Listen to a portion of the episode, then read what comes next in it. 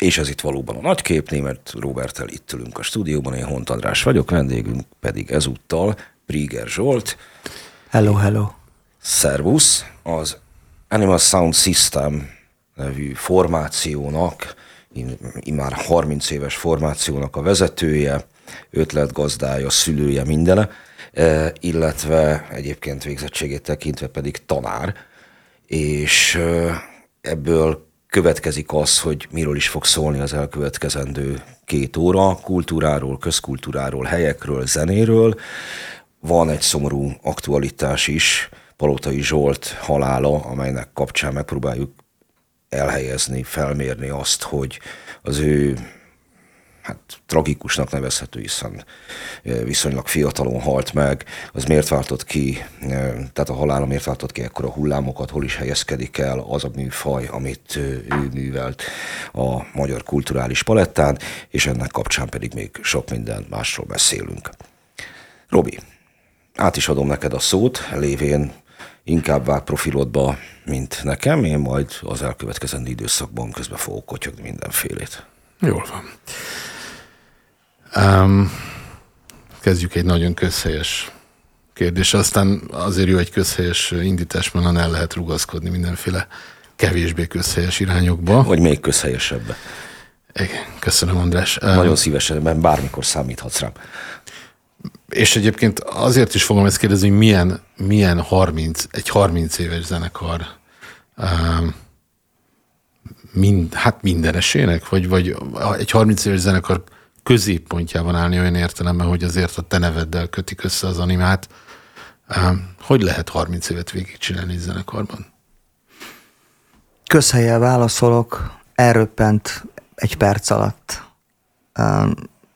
Készen állok a következő 30 évre, egyáltalán nem gondolkodom ezen, ez egy jó apropó hogy lehet beszélgetni, meg lehet leltározni, meg, meg lehet arról beszélni, hogy mennyi mindent próbáltunk megvalósítani 30 év alatt, de nosztalgia egy csöpp sincsen bennem, sosem volt bennem nosztalgia, próbáltam mindig a jelenben élni, vagy hát mindig sok tervem volt, és akkor ezt próbáltam kicsit ide rángatni a jelenbe, de én vagyok a legrosszabb ember arra, vagy a legrosszabb beszélgető partner, hogy azt boncolgassa bárki, hogy régen minden jobb volt. Mindig jelen levőség van, és mindig, mindig arra kell reflektálni, ami van. Hát logikus, hogy rengeteg régi zenét hallgatok, meg olvasok 500 évvel ezelőtt irodalmat, meg, meg, meg, meg zenét is hallgatok. Tehát, hogy meg, meg, meg járok templomokat és múzeumokat, de azt is jelen valóságukban szemlélem. Most csináltam nem is olyan régen egy szentek, női szentekről szóló irodalmi zenés estet, van egy ilyen műsorom, és Bingeni Hildegard az legalább annyira modern, feminista, avantgárd, mint, mint egy mai nagyszájú aktivista. Ez azért jó, mert lehet tudni, hogy akkor, akkor se éltem volna szívesen. Konstas. Régen minden jobb volt, akkor nem arra csak, hogy helyezzük el a hallgatóknak azt is, ami ti csináltok, mert nem biztos, hogy ezt mindenki eh, Ja, tudja. simán, persze.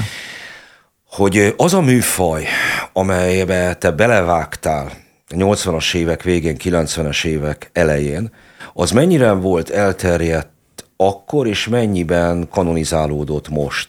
Egy hip-hop alapokra, eh, acid jazzre hajazó, nagyon-nagyon-nagyon erősen popkulturális kontextusú valamit keversz világzenével, kelet-európai népzenével, és ennek a hangzásvilágával. Ez mennyiben számított akkor újdonságnak, és mennyiben fogadódott el mostanra?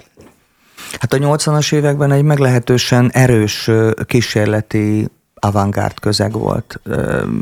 Csupa ilyen koncertre és partira jártam itthon és külföldön. Nagyon fontos aspektusa a sztorinak, hogy én nyugat-magyarországi vagyok, ahogy egyébként a, a bevezetőben említett Zsolt is, Palotai Tehát az, hogy ő győri, az, hogy én szombathelyi vagyok, ez egy nagyon erős hatás az életünkben és a pályánkon. Tehát nagyon sok minden beszűrődött. Tehát az, hogy a Einstein a Neubauten, vagy Nick Cave, vagy David Bowie, az sokkal hamarabb megvolt, mert kimentem Oberwartba, hogyha apám volt oly kegyes és elszállított oda, amikor még gyerek voltam, akkor, akkor be tudtam szerezni olyan lemezeket, és olyan zenéket hallhattam. Amit de, az osztrák hát, rádiót az is, FM Fear, akkor még nem volt, akkor ő volt, és volt egy Music Box műsora, ahol a tegnap előtt megjelent Nick Cave The Bad Seeds lemezt meg tudtam hallgatni, vagy, vagy tudtam már gyerekkoromban, hogy mi az a Manchester, tehát hogy, hogy mi az a, az eszid és a, és, a, és, a, és a pszichedelikus popkultúrának valamiféle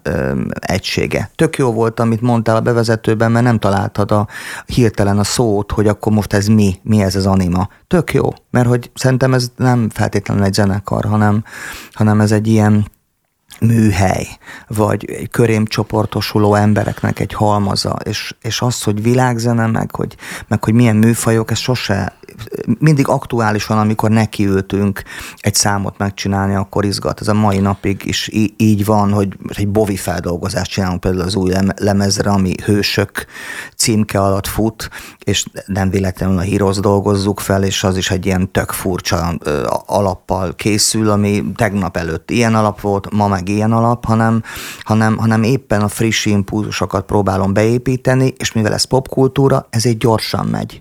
Tehát, hogyha ezt könyvbe próbálnám megcsinálni, csináltam azt is, de hogy ez egy másfajta metodika. Hogyha, hogyha popkulturális gesztusokkal élsz, akkor abban az a legjobb, hogy nagyon gyorsan, nagyon olcsón, nagyon hamar ki tudsz vele állni, és egy hétfőn megírt számot elő tudsz adni keddel. Az anima történetét gyakorlatilag végigkíséri, vagy szinte azt is mondhatnánk, hogy az a sorvezetője, hogy valamit elértek, valamilyen irányba haladtok, egyszer csak mondjuk így eleged lesz abból, úgy gondolod, hogy már, vagy legalábbis ezt külső szemlélőként én így láttam, abból így eleged lett, megálltok, felszámolod akár radikálisan is azt az irányt, és jön egy másik irány. Nyilván nem ilyen tervezőasztal mellett gondolom ezt, nem, nem úgy találtad ki ezeket, nyilván valahogy leültél, és akkor körzővel vonazol, ezt kitaláltad, de hogy az animát így végig lehet nézni, az anima történetét, valamerre mentetek, aztán radikális irányváltás. Ez hogy működött belül? Hát úgy működik, hogy éppen valamelyik nap hallottam, hogy a Robi Puzsér beszélgetett a Róna Egonnal, és, és ő beszél arról, hogy a mandalát lesöpri, és akkor jön az új mandala. Ennyi. Tehát, hogy unom, újat csinálok, nem akarok megfelelni, nem érdekel, hogy mit várnak el tőle, és ez egy idő után, hogy ezt a rossz vagy csúnya szót használjam, hogy kanonizálás, kanonizálódás, ez kanonizálódik.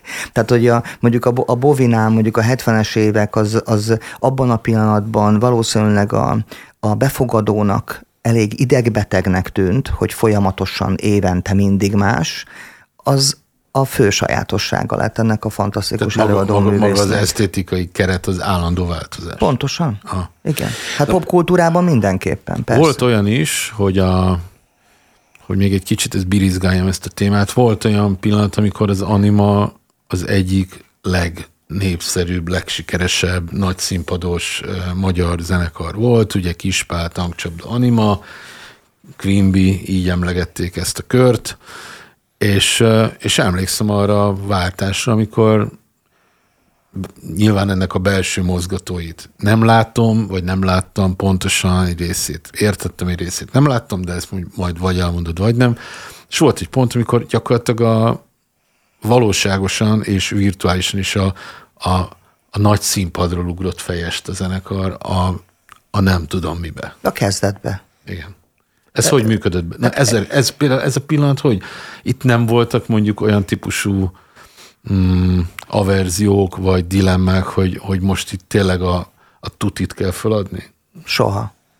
Amikor a legsikeresebb konszakunk, ami közönség, vagy, vagy, vagy koncertszám sikerről beszélek. Tehát, hogy a, a siker az egy olyan relatív fogalom, ami, ami a popkultúrában egy fontos mértékegység, de hogyha én arra gondolok, hogy én mindig azt szerettem volna, amikor az öcsémmel felnőttünk, hogy a kis dalainkból legyen egy kazetta. Én továbbra is ezt gondolom. Minden napért hálás vagyok, amit a zenével, vagy írással, vagy, vagy tanítással, vagy nem tudom mivel töltetek. Most zenéről van szó, tehát a, mondjuk zene csinálással, ugyanazzal, most a Magyar Nemzeti Galériában van egy technokó kiállítás, és annak lesz kísérője két lemez. Szegény Zsolt már nem érhettem meg, mert az övé az egyik kiállásokból készített cuccot, a másik meg a bocsánat, miénk. Erre mondta idézem is szó szerint, hogy megnevezem a forrást, ugye Vasák Benedek közös jó barátunk, hogy ez gyakorlatilag olyan, mintha a Zsoltnak, a Palotai Zsoltnak a, nem tudom, lenne dedikálva. Márhogy mi? Hát ez a kiállítás. A kiállítás, igen. Hát mondom, tök érdekes, és akkor nem kérdezte a Petrányi Zsolt, hogy mi az, ami lennek régi publikálatlan anyagom, és, és egyáltalán nem az animára gondoltam, hanem jóval korábbra, a 80-as évekre, 80-as évek végén volt az évzenekarom, második látás, meg ilyen körben volt, körből ismert. Egy ilyen rituális... Itt most a hallgatók egy része ilyen furán A második forgat. látás egy fenzin volt. Tehát egy, ez egy, a, a, fen, Mihály, a fenzin, meg ugye egy ilyen gyakorlatilag underground újság igen, volt. Igen. Hanem, ha valaki ezt nem tudja. Szerintem az, az, az, tudja. annak az olvasói ismerhették, ez egy ilyen rituális, industriális, multimédiás dolog volt, amit csináltam. Apám boncolási diáit vetítettem, és közben üsdobokat ütöttem, és, és, és, és, és szikrázott a színpad. És ez jelenik meg a Magyar Nemzeti Galériánál, a Zsolttal párban, és ugyanaz az öröm, ugyanaz a felfedezés mánia hatotta át a dolgot, mint, a, mint, ahogy, mint ahogy most csinálom. Tehát, hogy engem igazából az, hogy ott voltak 50 ezeren a koncerten, az engem stimulált, a de mivel akkor nem álltam a színpadon, hanem színházi rendező voltam, mindig a hangmérnök státuszában voltam, ezért nem is tudott bennem lejátszódni, még hogyha akartam volna sem. Az, ami egyébként pár zenésztársamban lejátszódhatott, hogy mozgatom a 10, 20, 30, 40, 50 ezer embert, és akkor ez valamiféle, valamiféle ego trippé alakul át. Abban a pillanatban, amikor ez a korszak lezárult 10 év után, hallatlanul unalmas, hallatlanul kiszipolyozó, hallatlanul parás időszakom Már volt, mint, ezt sokszor elmondtam, bocsánat, bármennyire is hülyén hangzik. A lezárult időszak alatt az animának ezt a úgymond legsikeresebb. Persze, Tehát hát az a legrosszabb. A hát miért a hatodik szám az, aminek a másodiknak kéne lenni, miért nem játszottátok ezt a számot, miért volt rövidebb két perccel a szám, mint egyébként, miért nem volt benne az az énekrész, miért volt benne rap, miért volt benne nem tudom mi, ez a folyamatos sztori, amikor rajongóid vannak, és nem kritikusaid, barátaid, hallgatóid, nem egy közösséget építesz, hanem, hanem, hanem ö, idiotisztikus kontextust, ami, ami, amiben te vagy egyébként a legviccesebb figura. És akkor és akkor egy ilyen pillanatban azt érzed, hogy ezt föl kell számolni. Egyáltalán nem, mert ezt úgy számolódott fel, nem, nem tényeket nem szeretnék semmiképpen sem megmásítani, úgy, úgy számolódott fel, hogy a, a tíz évig tartó, vagy nyolc évig tartó sikerszériában az énekesnő ezért, azért, amazért elege lett. Német, német Jucinak, aki egy fantasztikus frontember volt, lelépett, és már abban a pillanatban, amikor még vele koncerteztünk, én már ö, Londonban jártam, ö, és a Jeremy Thompson próbáltam ide csábítani, aki egy fantasztikus rapper volt, előtte Lévis modell, de egy fantasztikus rapper volt, és itt énekelt, és ugyanúgy vittük tovább több éven át vele. Logikus, hogy ezt nem lehetett bírni, hogy Londonból hozol énekest anyagilag, hiszen erre ment el kvázi a gázsink, de ez egy fantasztikus korszak volt, gyökeresen más volt gyökeresen más volt, teljesen más volt, alig játszottunk számokat. Tehát ez egy, ez egy, ez egy olyan kísérlet volt, ami, ami néhol emberi, néhol, néhol ö, szakmai, néhol ö, egész egyszerűen megunod azt, amit csinálsz, lesöpröd a mandalát, és jössz egy új sztorival. Térjünk majd vissza az animára, meg a műfajra is, viszont említetted azt, hogy te rendezőként vettél részt Hát ez egy ilyen vicces izé Ért? volt, persze. Én viszont nem szállom annyira viccnek, ugyanis a színház világában neked nem kevés kirándulásod volt, amennyiben kirándulásnak lehet Hát voltak. Zenék, most is vannak, igen. És nem csak a színházban, hanem tehát mint egy hagyományos térben való megfordulás, hanem klasszikus szerzőkhöz is nyúltál folyamatosan vissza a magyar irodalom nagyjaihoz, Szerbantal, Pilinszki, Igen. Hanvas Béla, aki ráadásul még csak nem is irodalmár, hanem valahol a határon mozog a filozófia és az irodalom határán. Mennyiben tartod érvényesnek ezeket a klasszicizálódott tereket, mint például egy hagyományos színház, vagy akár egy zsinagóga benső, mennyiben tartottad érdekes kísérletnek és izgalmasnak mind a mai napig ezeket a találkozásokat? és majd innen megyünk tovább, azért kanyarítottam, lecsaptam egy kicsikét arra, hogy azt mondtad, hogy rendező vagy, mert szeretnénk itt betoldásként majd még a színházról is váltani két szót egy kollégánkkal. Tehát akkor megadnám neked a szót színház, színházilag. A felvetésed abszolút inspiráló. Én középiskolás koromban darabokkal kísérleteztem, Pilinszki meg Robert Wilson modorában ilyen nagyon lassú, majdnem mozdulatlan színház elemeit felhasználva, persze akkori olvasmányélményeim alapján felszíneske vizék voltak, meg film, filmmel akartam foglalkozni, óriás filmmániás voltam és vagyok, de aztán rájöttem arra, amire már az előbb is utaltam, hogy a, a popkulturális megnyilvánulás abban jó, hogy nagyon gyorsan tudok reagálni. Tehát, hogy én képtelen vagyok személyiségemnél fogva arra, hogy én 6-7 évet várjak egy filmbemutatóra, vagy egy-másfél évig dolgozzak egy színházi bemutatón. Ezért, amikor én irodalmi előadásokat csinálok. Törőcsik Franciskával, Nagy Katicával, Magyar Borival, partnerekkel, vagy többekkel, Szamosi Zsófival a női szenteknél, vagy a Hanvast átviszem technópartiba, vagy, vagy a Pilinszki vagy régi, nagyon jó barátom Térei János, aki egyébként nekem a palotai mellett ikercsillagom, hiszen ugyanannyit... Akkor nem lehet könnyű neked. Na, nagyon-nagyon sok röhögés, dumálás, megfejtés, vita, fűzött bennünket össze. Kárdis Térei Jánosért van egy ilyen darabom is. Ezeket viszonylag gyorsan csinálom meg, hiszen nem egy egész társulatot kell mozgatni, hanem magamat és egy velem szimbiózisban lévő mondjuk ö, ö, ö, színésznőt. Tehát, hogy a színházi tér az, az egy kicsit reflektál arra is, hogy mit gondolok a popkultúráról, mert a legnagyobb idójaim, az előbb már beszéltünk a Bóviról, ő, ő az egész stage szimptomát egyfajta ilyen színpadi előadás, egy aktorok szerepjátékban képzelte el. Tehát, hogy a Bovi nem Ziggy Stardust, hanem, hanem az egy szerep, amit eljátszik. Ugyanakkor véresen, meg húsosan az, ami, az, ami ő részben.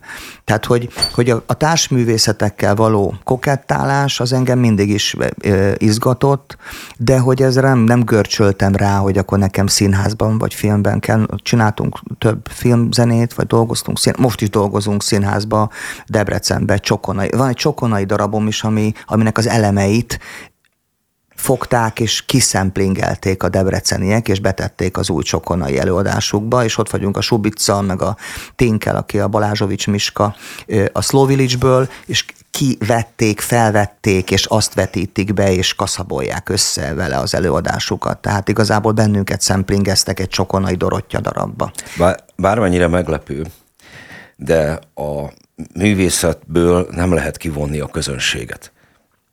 Néha ki lehet, ez egy furcsa viszonyban van az alkotó a, a közönségével, mert egyszerre próbál nem tudomást venni róla, másfelől viszont felvágja az erejét, ha nincsen.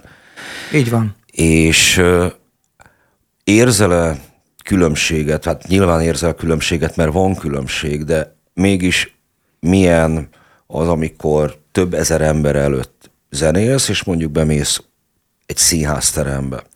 Van-e bármiféle hozzáállásbéli különbség részedről, és érzed-e azt, hogy más közönséghez szólsz egy színházi előadás alkalmával, mint mondjuk a Szigetem?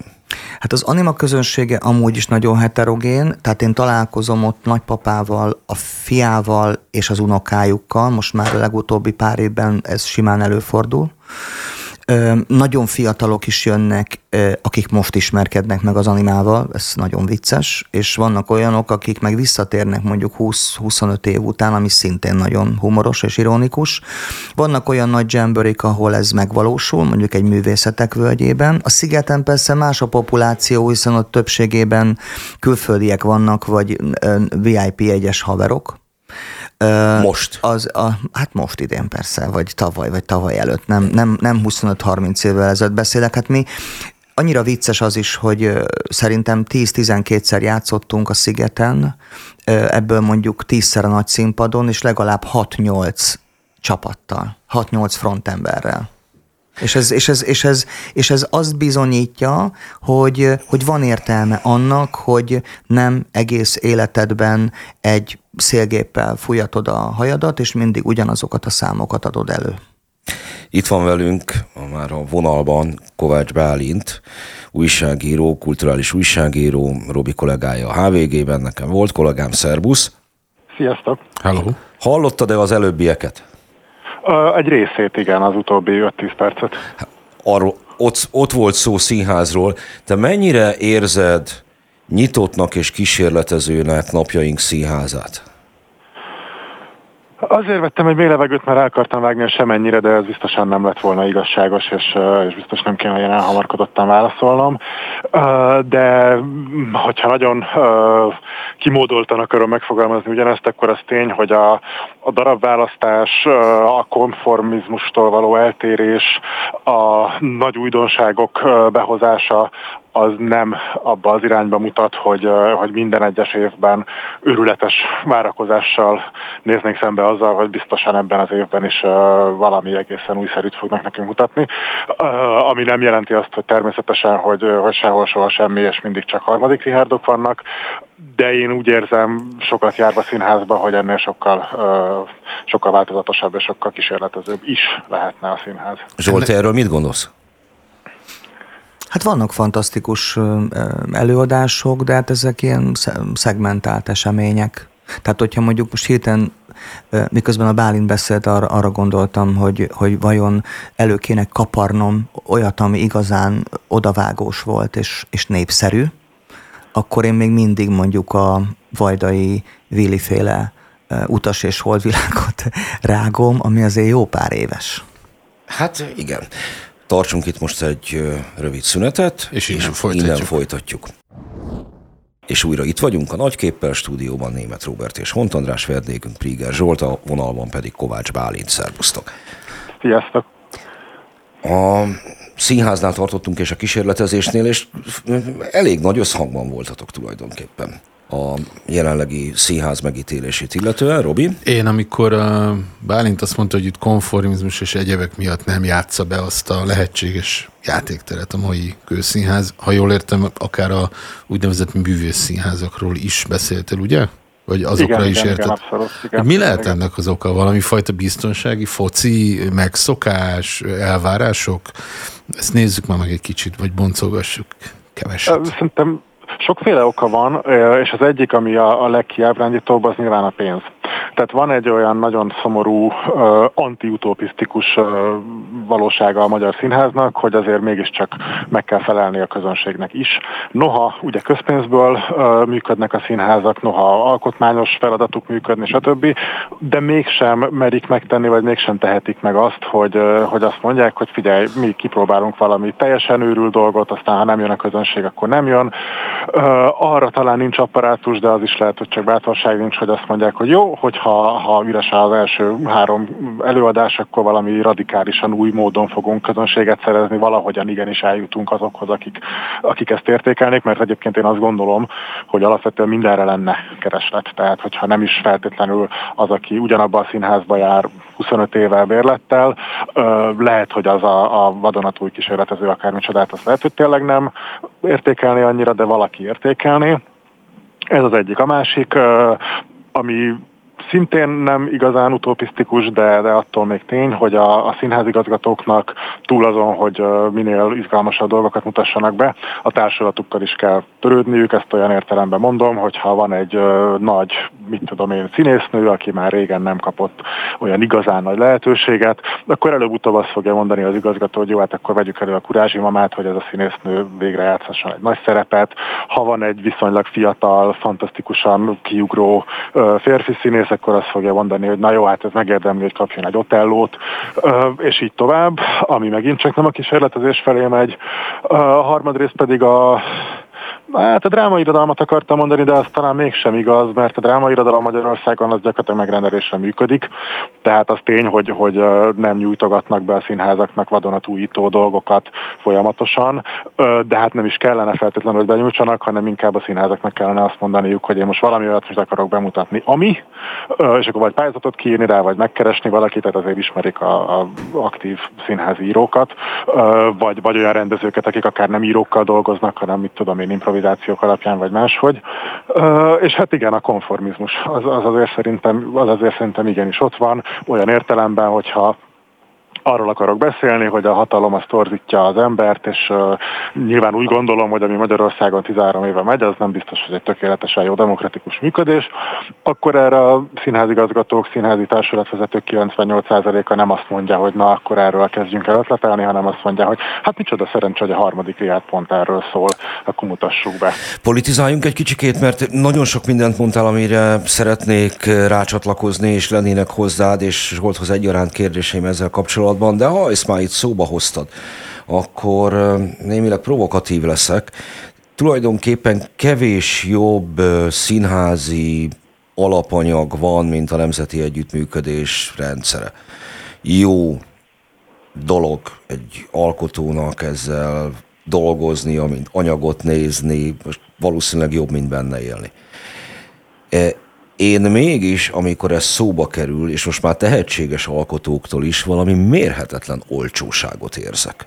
Tehát rosszul vagyok minden, aminek politikai áthallása van, ami bármiféle aktuális dologra rezonálna, az, az valahogy elmegy a gagyiba.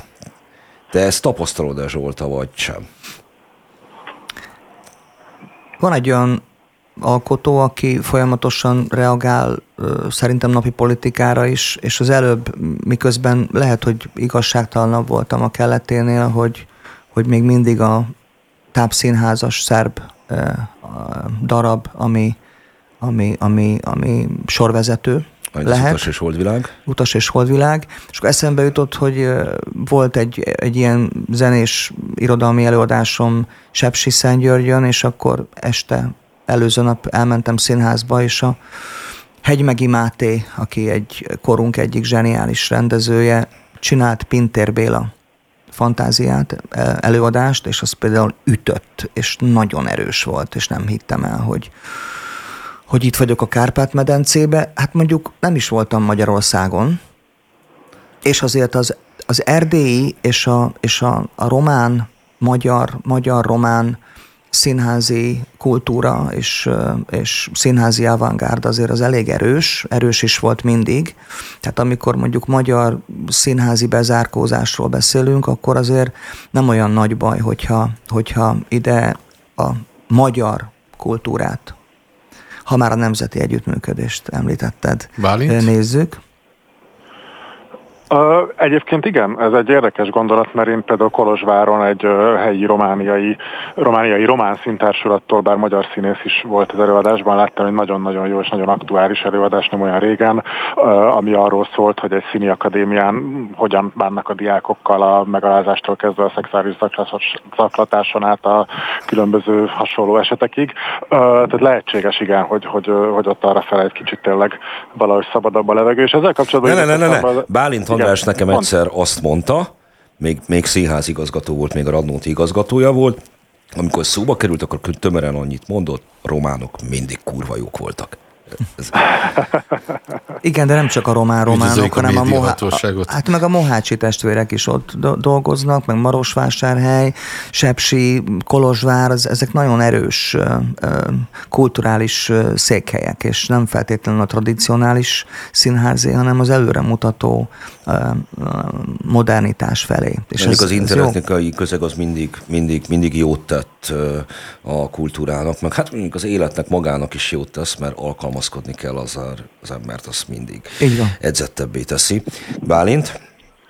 Igen, és amit mondtál, hogy hogy lemegy kabaréba, vagy, vagy ilyen alacsony. Olcsó vonalba. kabaréba megy le, tehát Olcsóba, tudod? igen, igen, igen, igen. Én azt gondolom, hogy egyébként ebben talán valami elitizmus is van olyan értelemben, hogy én azt tapasztalom, hogy Magyarországon azt mondják, hogy a, aki a politikához hozzányúl, a, a, ne, nem kéne hozzányúlni, maradjunk mi, mi a magas értelmiség szintjén, mi nem menjünk le ebbe a guztustalan politikai játékba, és ezért van az, hogy az igazán jó szerzők, az igazán jó alkotók, azok nem kezdenek el ezzel foglalkozni, aki meg elkezd, az meg tényleg akkor annyit csinál, hogy akkor mit tudom én, vakkomondor, vagy most nem tudom mi éppen a, legújabb ilyen ö, bevett toposz, amit, amit elő lehet venni, vagy, vagy mit tudom én, Andy Vajna fejével fociztak már színpadon, meg ilyesmik. Miközben tényleg arra kellene szükség, hogy ahogy a Shakespeare 400 éve megírta a hatalom működését, ami egyébként csak szeretném jelezni, kedves színházigazgatók, hogy a harmadik riád nagyon-nagyon-nagyon sok módon egyáltalán nem ül a mai korunkra, de hogy valamilyen nagyon tehetséges drámaíró ugyanígy uh, végigvegye, hogy akkor hogy is néz ki a politikai hatalom megszerzése, megtartása 2023 környékén. De ez nem történik meg, mert jaj, hát annyi, annyi fontosabb, annyi szebb, annyi magasztosabb téma van ennél, hát most mit mocskoljuk be magunkat ezzel a gusztustalan politikával, az úgyis csak a mának szól. Uh, lehet, hogy Shakespeare-nek is ezt mondták, hogy ne már bele, mert most ezt itt 1613-ban uh, majd el is fogják felejteni, de hát nem így lett, de és nem azt gondolom, hogy most se így lenne. Meg egyébként, bocsánat, az is probléma, én legalábbis azt érzem, hogy sokszor hozzá is nyúlok, akkor ilyen megúszós a megfejtés ennek. Ezt nem tudom, Zsolt akartál valamit? Hát csak annyit, hogy na, nagyon egy, egyetértek a, a, a Bálintal, mert hogy ezek toposzok, arhetípusok. A mostani perc, amiben élünk, ez annyira vicces lesz egy óra múlva, pláne egy hónap, és egy év, és tíz év, és száz év múlva. Csináltam most egy Budapest Zengeráj darabot, az Nagy Endre, Nagy Lajos, rejtő, heltai, Tehát kabaré. úgy ülnek, és kabaré. És arra akartam csak reflektálni, amit Szandris mondott, hogy, hogy de az jó kabaré. És a jó kabaré az úgy ül most is, hogy hihetetlen. A, a, az örkény egypercesek azok annyira ülnek most is. Csak hogy ezek a művek ugye a maguk árnyaltságában és bonyolultságában tudják mégis nagyon érthetően és nagyon szellemesen ábrázolni de a, a kort túl, és ezeket de, a dilemmákat. Igen, de a túlélésről, a, a politika bornétságáról, a Nagy Lajos, amikor arról beszél, hogy a, a, a nemzeti keresztény kurzusnak mit köszönhetünk mi, drága magyarjaim, akkor az teljesen ugyanaz, mint hogyha száz, száz év múltán mi beszélgetnénk erről. Tehát a, ha Nagy Lajos ezt meg, megírta jól, vagy a Nagy Endre, hogy, hogy a névrokonáról beszéljek, a kabaréban megírta jól, akkor ezeket használni kellene, vagy hát én használom is, meg olvasom is, és röhögök is rajta. Jó, de pont azt jelenti, hogy az aktualitásokhoz való hozzányúlás nem azt jelenti, hogy egyből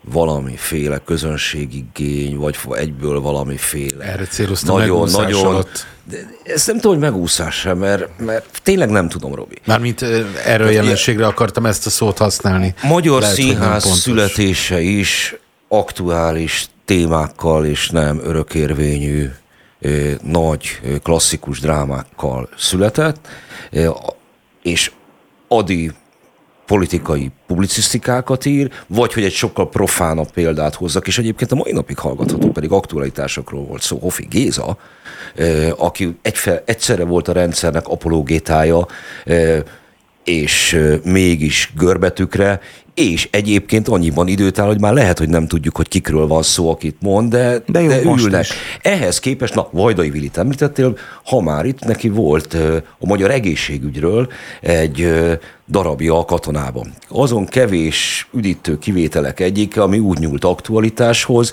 hogy, hogy teljesen élvezhető volt. És ahogy megyünk előre egy beállt viszonyokkal bíró rendszerben, én, én úgy érzem egyre ellaposodni az aktualitásokhoz De való ez minden egyes művészeti ágban megfigyelhető.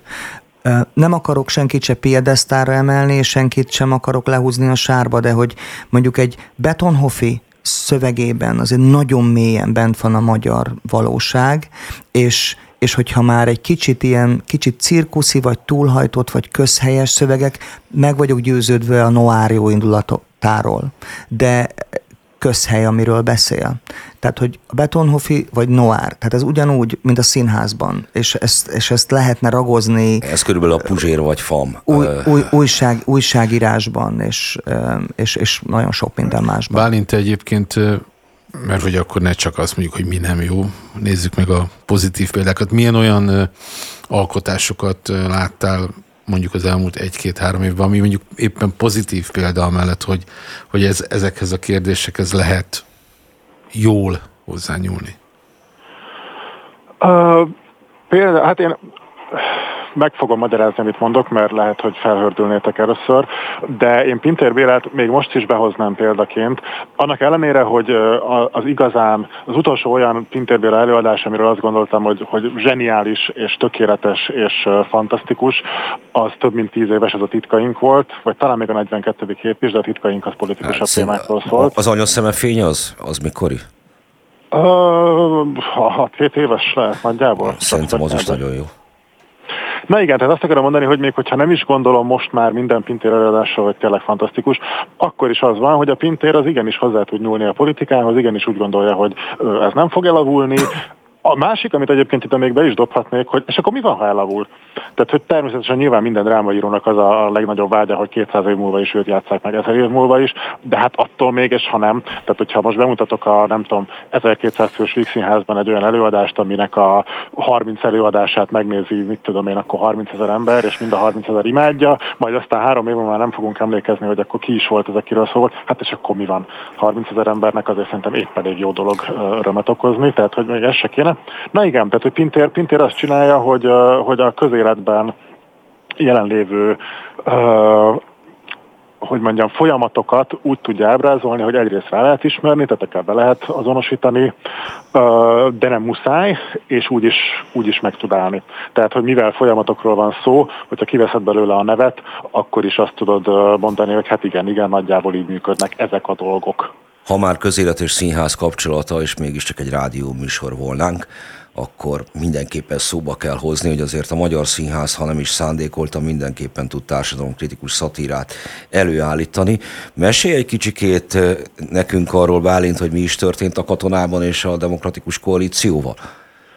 Uh, igen, az történt, uh, hogy kiküldött a demokratikus koalíció egy első ránézésre egyébként uh, talán nem olyan meglepőnek tűnő levelet, kedves párttagjaink, köszönjük nektek a, a nem tudom, hűségeteket, és ezt meg akarjuk hálálni egy 30%-os kuponnal ami mondom, hát ilyen megesik. Ez a 30%-os kupon, ez a Katona József Színháznak a mm, jegyeladásaira szólt amit uh, ugye hát menetrendszerűen egy idő után megkapott a, a kormánymédia, és, uh, és láthatóan onnantól politikai uh, agendává vált, hogy ezt, ezt mindenképpen uh, botrányá kell duzzasztani ezt az ügyet, uh, és hát meg is történt. Hát azért, ez. azért még hogyha nem is világméretű, de azért van ebben egy botrányfaktor. Nem, nem, nem, nem, persze nem, csak azt mondom, hogy, hogy a, a, tehát, ha valaki visszakeresi ezeket a híreket, akkor látszik, hogy ott nem szakmai alapon született egy nap nyolc hír, hanem mert ki volt adva, hogy nyolc hírnek kell születni erről egy nap. De hát mindegy, ez nyilvánvalóan tudjuk, hogy így működik a, a propaganda média.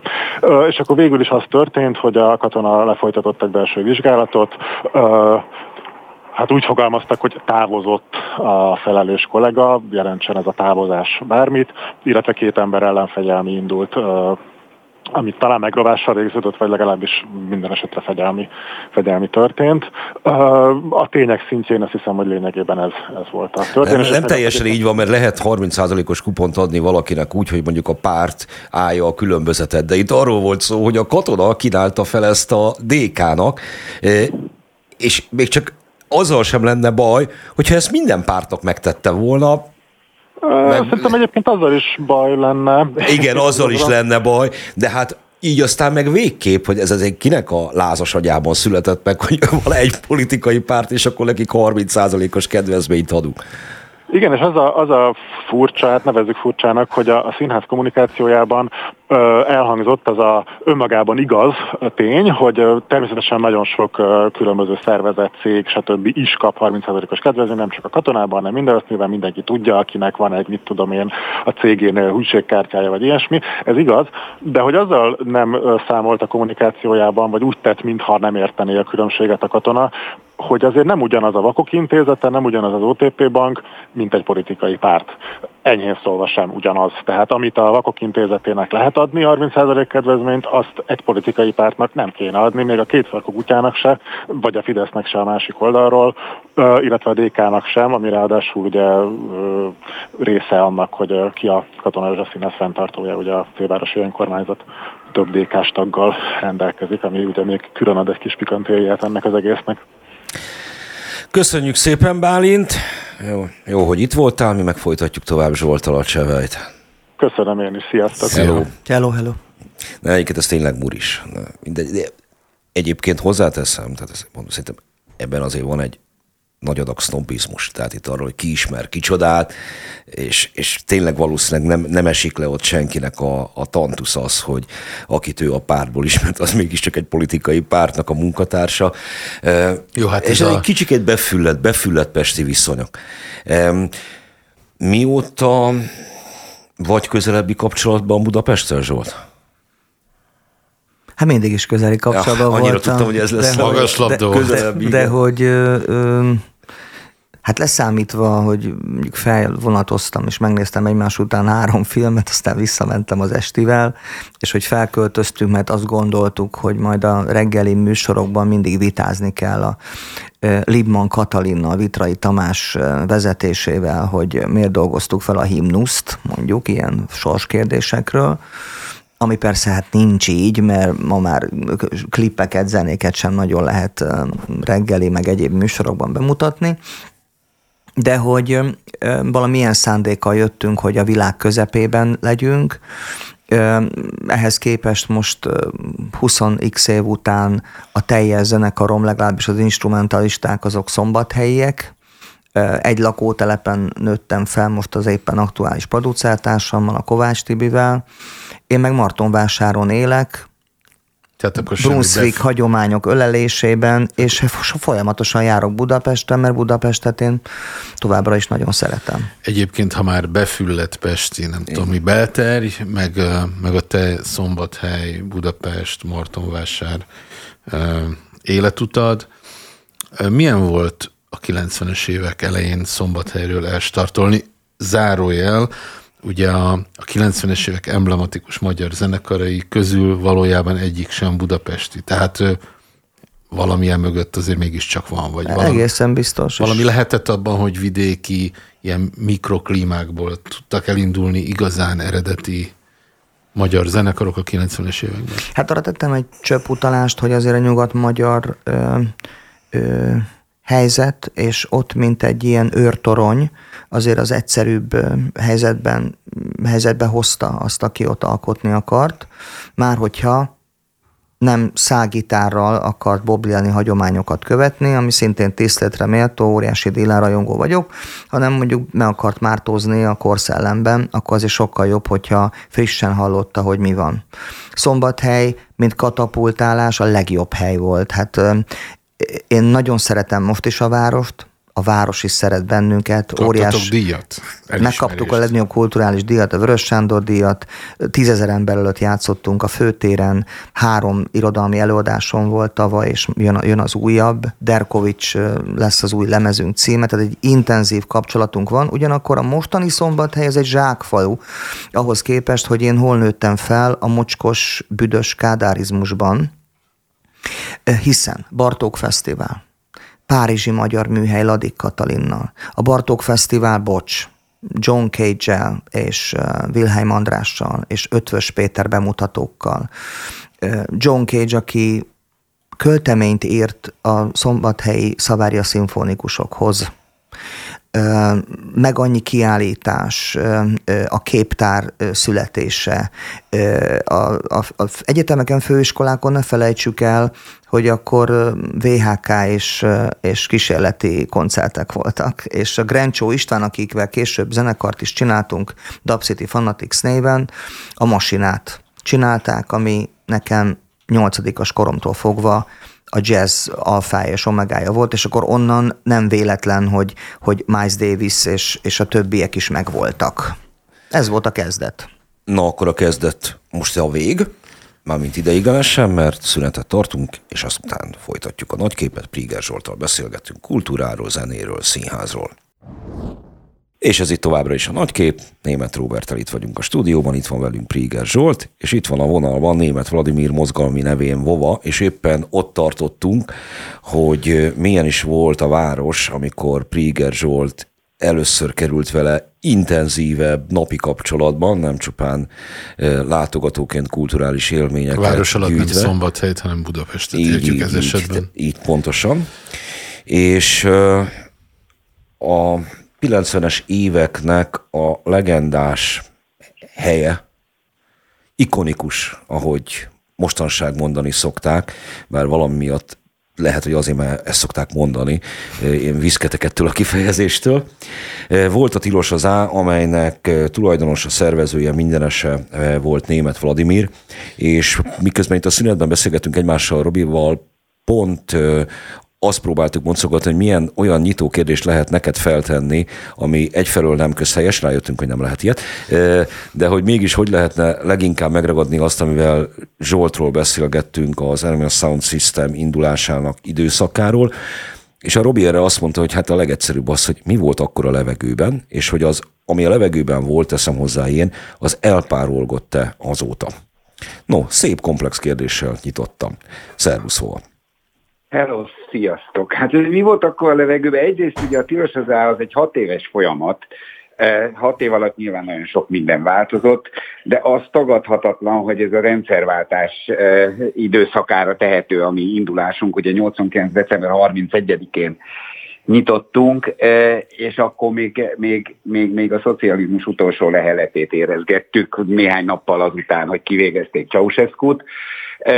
Tehát egy, egy valóban történelmi időszak volt, és annyiban fontos volt talán, hogy, hogy akkor mindannyian keresgéltük még magunkat, nem voltak követhető, követendő minták igazán, hogy mik azok, amiket itthon kulturálisan mi adaptálni tudunk. Voltak elképzeléseink, sokat utaztunk, nyugatra is évente egyszer azért eljutottunk, tehát azért voltak mintáink, de hogy ebből mi valósítható meg itthon, nem volt kulturális szervezői múltunk, tehát ez egy ilyen bölcsészek voltunk, meg egyebek, meg könyvkötők, meg a Palotai Zsolt például. A TF-et abban az időben, meg a, a gyógypedagógiai főiskolát járta előtte, és nem találta abban a helyét.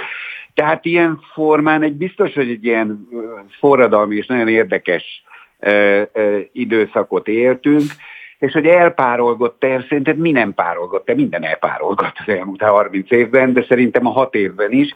Hogyha egy picit a folyamatát akarom egyébként nézni, akkor azt mondom, hogy hogyha társadalmilag, kulturálisan nézem a dolgot, akkor, akkor tényleg volt így a politikának is egy, egy pár éves útkereső korszaka, amikor, amikor még mondjuk kíváncsi volt például a, a, a civil világba, éppen belepottyanó is és, és, és azt valahogy alakítani, formálni próbáló közösség véleményére, amit egyre inkább aztán negligált, meg nem volt rá kíváncsi, és akkor elkezdődtek a marakodások, a harcok, az ilyen-olyan privatizációk, és a többi, és akkor elkezdett kisikladni az egész, ez szerintem olyan 93-94-ig tarthatott, utána meg azért már beállt ez a, ez a szar kapitalizmus. A kapi, vagyis azt mondanám, hogy a kapitalizmusnak a szar vonala ami, ami aztán rátelepült az életünk nagyon sok területére, nem csak a kultúrára, hanem, hanem, hanem, hanem egyebekre is. Úgyhogy úgy nagyjából én ezt a hat évet így tudnám leírni, ami, ami a stílos az á meg, időszakát jelentette. Megfuttatok egy gondolatkísérletet, mind a kettőtökhöz szól, sőt, mind a hármatokhoz, mint tevékeny részesei annak a kornak, és aztán tevékeny részesei a későbbieknek. Én erre, amit most mondani fogok, később eszméltem rá. A 90-es évek eleje és közepe, ezt neked mondom, Vova, számomra az a Mixát Kálmán téren telt. Nem csupán a tilos az, ami, ami, ami éjjel volt nyitva, hanem a, a veletek nem túl jó viszonyban, vagy nem mindig jó viszonyban lévő könyves kávézóban, meg a Nothing, Nothing but the Blues. Így van nevű helyen. Szóval ott abban a, a millió, meg hát a fővárosi Szabó Ervin könyvtárban, szóval itt a, nagyjából abban a, a millióben viszont akkor mentem egyetemre, kezdtem el különböző karrieremet, és így tovább, tehát valahogy nem figyeltem arra, ami körülvett korábban, és valamikor a 90-es évek közepén, de nem is valamikor, mert ezt még dátumhoz is tudom kötni a 94-es MSZP-SZDSZ koalícióhoz, volt egy törés, vagy utána volt egy törés. És rengetegen mentek el például akkor külföldre, kifejezetten a kulturális élet szereplői közül, meg ebből a volt underground közegből. Később visszajöttek, vagy közülük sok visszajött, de akkor valahogy elpárolult. Volt egy ilyen, utólag látom így, hogy volt egy eltanácstalanodás. És ezt én valahogy úgy e, mozaikoztam össze, hogy azok a helyek, mint például a Tilos az Á, azok nyugaton radikálisan baloldali millióból, szubkultúrából érkeztek foglalt házak és ilyen ö, alternatív kocsmák egyaránt. Magyarországon viszont ugye említetted, Vova, hogy még az államszocializmus leheletét a tilos az megnyitásakor éreztétek magatokon. Ezek mind ellenzékiek voltak a pártállammal szemben. És valahogy ezt a kettősséget, amelyet ez az MSZP-SZDSZ koalíció vicces módon kifejezett, nem tudta senki helyre rakni. Például azt, hogy ugye a, ezek a radikális szub, baloldali szubkultúrák nyugaton soha nem tudnak kormányra kerülni. De az a társaság, eh, amelyikből a Pesti Underground is származott, az hirtelenjében kormányra került 94-ben, Emlékezzünk rá, hogy miről beszélek. Az URH-nak az emlékkoncertje még a 90-es évek elején Demszki Gábor Müller Péter Sziámival fellépett, ami azért mégiscsak egy meglehetősen bizarr dolog. Szóval, hogy minthogyha ezt valahogy nem tudta volna feldolgozni ez a közeg. Ez csak én, azért mondtam, hogy megfuttatok egy gondolatkísérletet, mert lehet, hogy ez csak én, én érzékelem így, vagy az én megfejtésem, de ti ehhez mit szóltok? Hát én borzalmasan csalódott voltam akkor, erre tisztán emlékszem. Az én második ilyen, ilyen politikai rácsodálkozásom és asztalcsapásom az, ez akkor volt. Tehát, hogy én egy, ma már nagyon vicces erre visszagondolni, de hogy én egy, én egy, én egy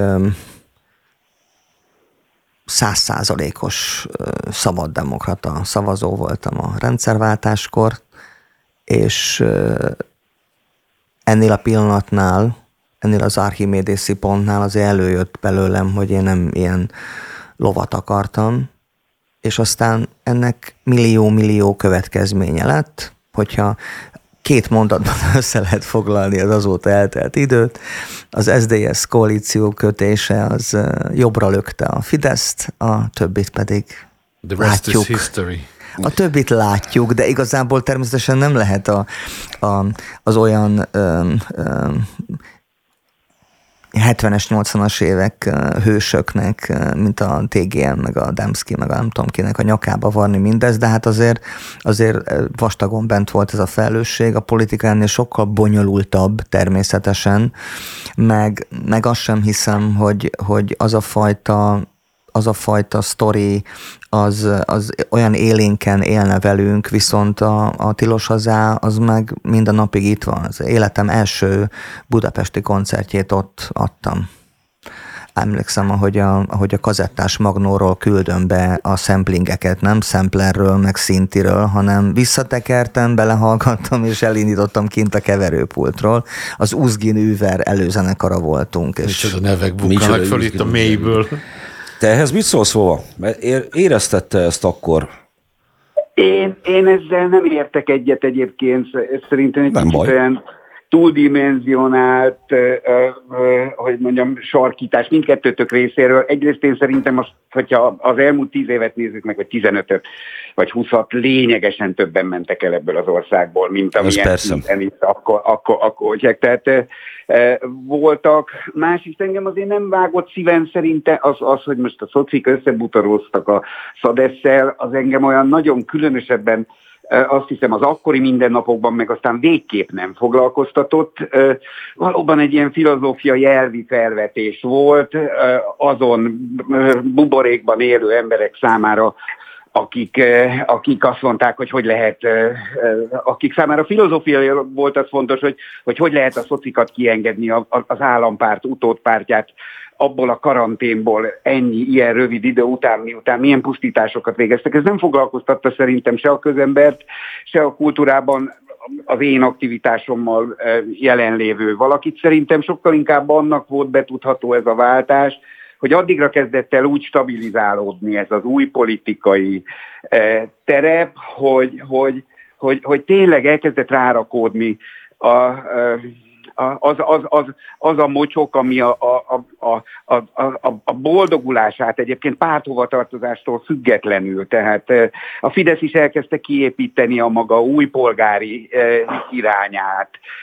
A, a, a, a szocik ugye valójában tényleg 89-től kezdve már bűnösek voltak a privatizációban, a magánosításban.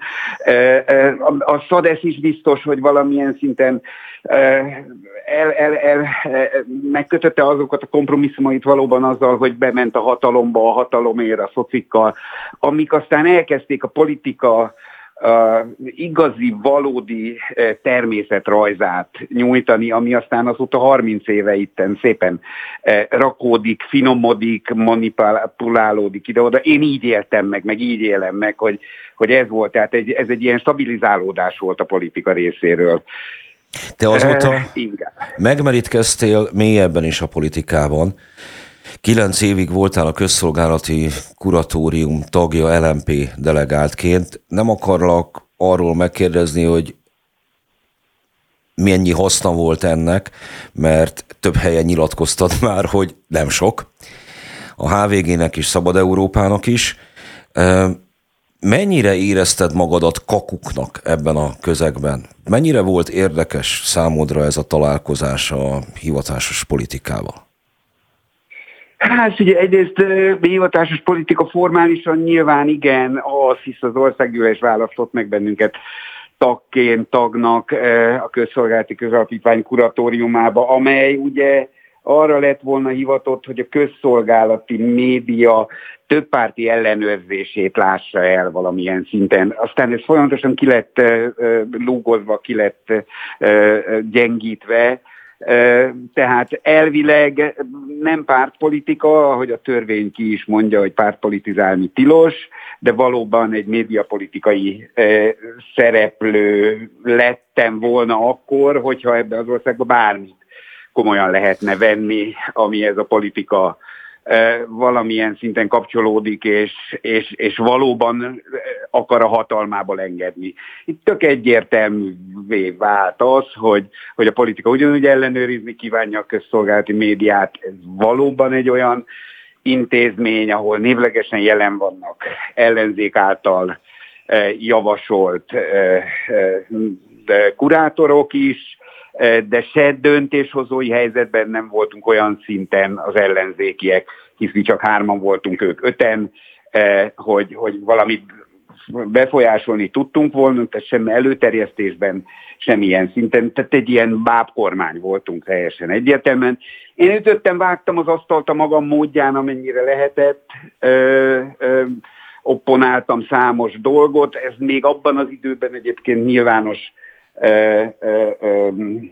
jegyzőkönyvekben olvasható is volt. Annyi változott az én időszakom után, hogy most már az ülések jegyzőkönyvei nem is nyilvánosak, tehát fogalmunk nincs, hogy mi történik, vagy történik-e ott egyáltalán bármi. Én szerintem egy óriási olyan fontosságú terep, amit, amit nem is értek, hogy az ellenzék 10-20 éve hogy hat kihasználatlanul, főleg ma itt e, Európában, a világban akárhol, hogy a közszolgálatnak milyen iszonyú fontossága lenne a tájékoztatásban, e, azt gondolom, hogy soha nem volt e, fontosabb, mint, mint, mint, mint, mint az elmúlt 10-15-20 év e, fejleményei e, okán óriási felelősség lenne, hogy, hogy, hogy ezen valami változzon.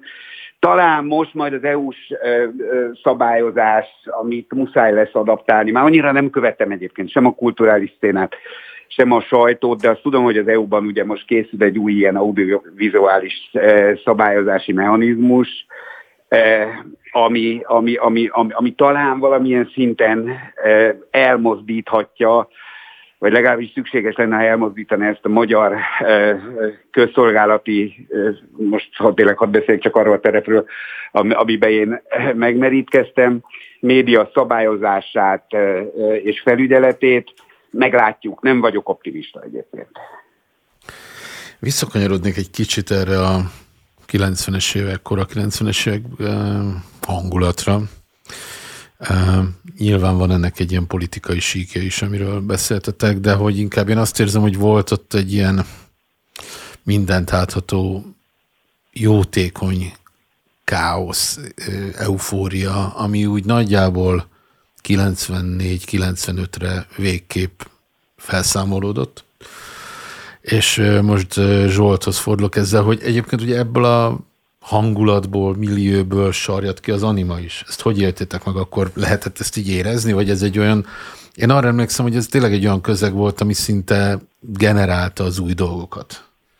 Hát az én kapcsolódásom mondjuk a nyugat-magyarországi létem és a folyamatos kapcsolódás az osztrák helyzettel, koncertre jártam, Lajbachon voltam, ami azért elég erőteljesen már akkor iróniába csomagolta a politikai attitűdöt, tehát ez, egy nagyon vicces dolog volt. Tehát aki, aki mondjuk a Lajbach után komolyan tudja venni a napi politikát, az, az, az, az tényleg a, a politika szenvedélyes rajongója.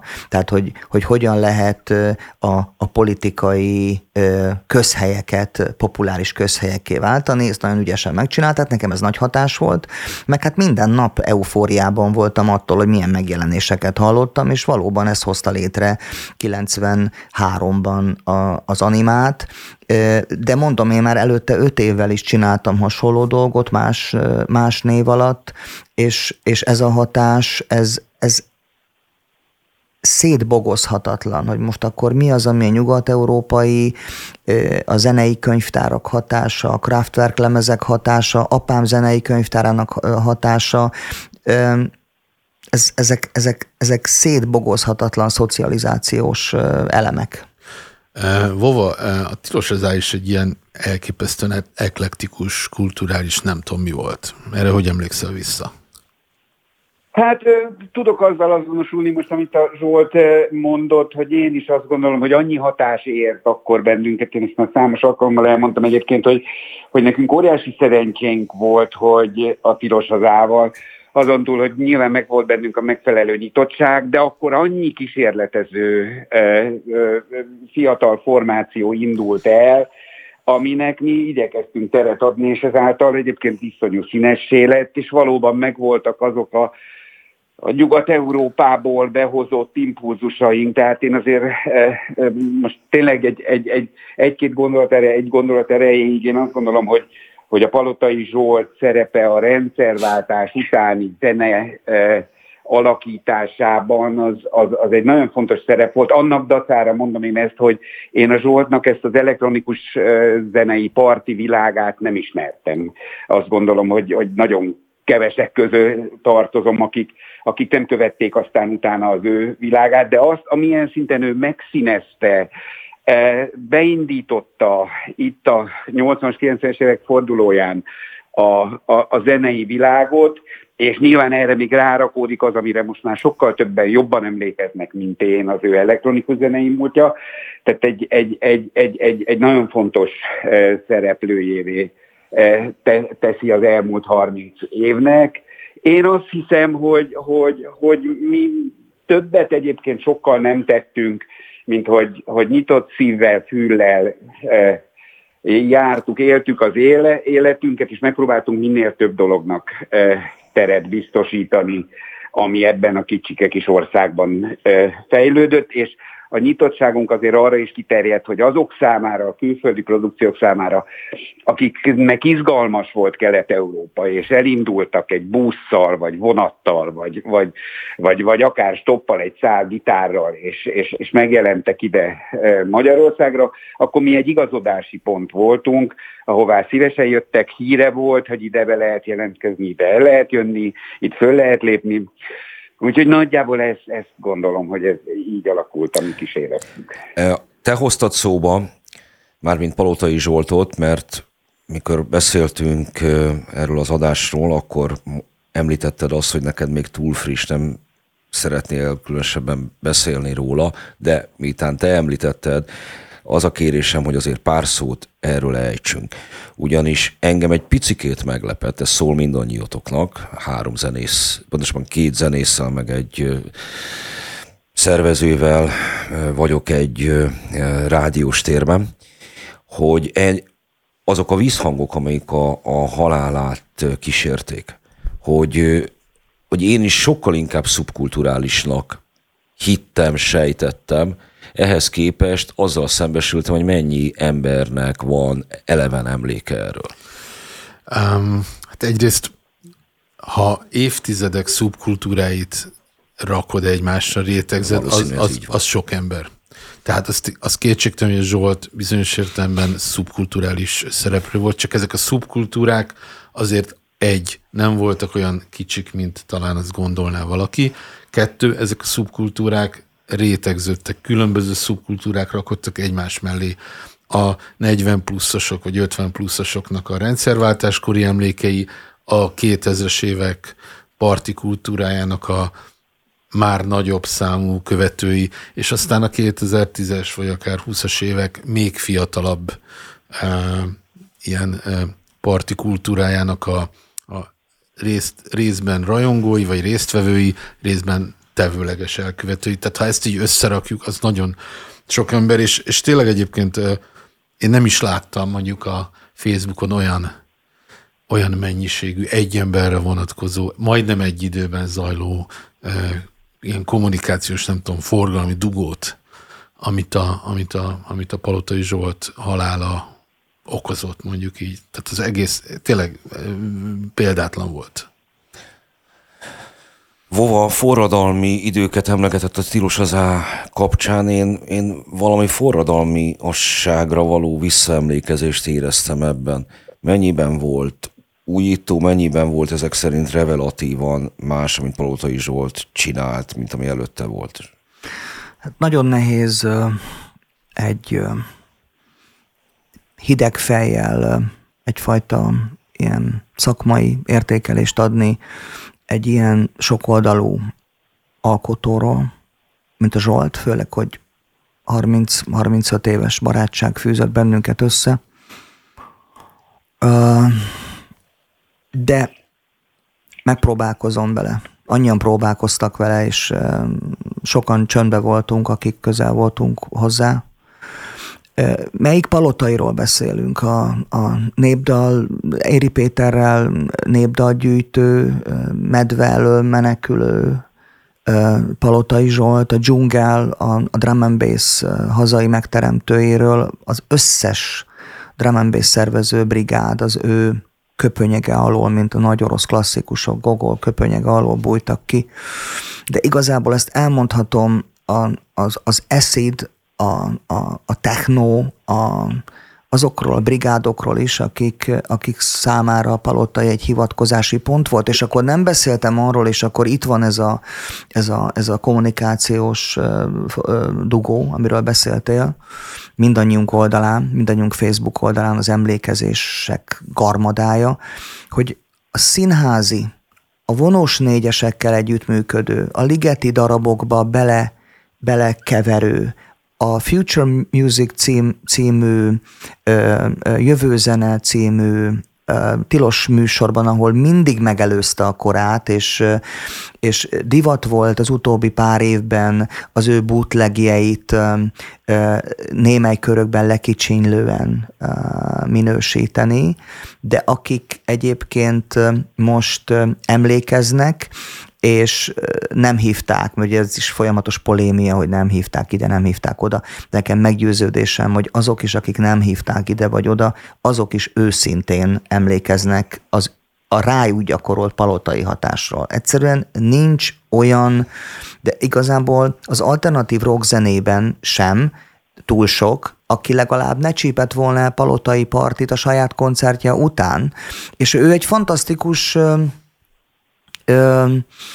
nem alkalmazkodó és nem kompromisszumos, hanem, hanem, hanem nem egy zélig Woody Allen hanem egy olyan ember, aki, aki bele tudott állni abba, abba a kontextusba, amiben jött. Ő a, a DJ-zés filozófusa volt, hogy ilyen óriás baszott nagy közhelyet süssek el. Na innen folytassuk, a nagyképben beszélgetünk. Szóval ez itt a nagykép, német Robert itt ülünk a stúdióban, velünk van Piger Zsolt, a vonalban pedig német Vladimir Vova. Mit mondtál, a DJ-zés filozófusa Hát most éppen ez csúszott ki, de hát csak hülyeségeket tud ilyenkor mondani. Vova, ehhez, ehhez mit tudsz hozzáfűzni? Hát, én, ahogy mondom, én, én, én, én azt az ő Zsoltot e, e, síratom, aki, a, a, a, aki aztán viszonylag gyorsan e, ejtette azt a zenei világot, amiben mi közösen a Tilos azában e, meneteltünk. Ő elindult aztán az elektronikus zene irányába, ahová én nem követtem, és nekem e, e, különösebb rálátásom nincs is erre a, a, a nyilván folyamatosan változó terepre. Nekem a Zsolt még az a, a az akkori világzene, amit én azóta már szintén nem követek. Tehát azt hiszem azért vannak ilyen zenei ciklusok, amik, amik azt egy idő után kikopnak. A Zsolt nekem, nekem, ne, ne, nekem Cezária Evóra volt, a Zsolt nekem Felakuti volt, a Zsolt nekem nagyjából ez a Manu, Manonegra volt. Tehát az, az a zenei DJ, és valóban egyébként ebben egyet tudok érteni a Zsoltal teljes mértékben, hogy ő egy ízig DJ pasi volt, kereste ő magát a, a gyógypedagógia terepén, ahogy mondtam, járt testnevelési főiskolára, és a zenében találta meg azt az önmagát, azt hiszem, szóval ő tényleg este 11-től reggel 6-ig, 7-ig élt, és akkor, ak, ak, ak, akkor volt szellemi és kulturális ereje teljében. Nekem a Zsolt más volt, mint ezek a most bedugult visszaemlékezések, akiktől jönnek, és, és, és akik ezt a világát emelik ki. Én, mert hogy egyébként nem is vagyok fönn ezeken a, a, a fórumokon, de de, de, de, de nem is hallottam, hogy, hogy, hogy, hogy igen, az elejéről valaki mesélt volna, mert ott lett ő DJ-vé, és valóban együtt, közösen 89. december 31-én a Tilos nyitó napján ült be először a, a, a, a két kazettás magnó mögé valóban, akkor még így, így, így kezelte a dolgokat, aztán utána még a CD korszak kezdeti eljövetele az, az, az ott érte még a tilos az ában, és utána a Zsolt elindult az éjszakába, és elindult tényleg hódítani és terjeszteni az ő zenei eh, világát, ízlését, és, és, és, és biztos vagyok benne, hogy óriási nyomot hagyott. Mind a szakmán, mind azokon a tízezreken, akik, akik eh, hallhatták, láthatták őt muzsikálni. Ha már világzene, van vele a konkrét kérdésemen túlmenő célom is, ezt taglaljuk, de te a menedzsere, szervezője, mindenese voltál egy időben Lajkó Félixnek is. Mennyiben volt érdekes kirándulás ez számodra?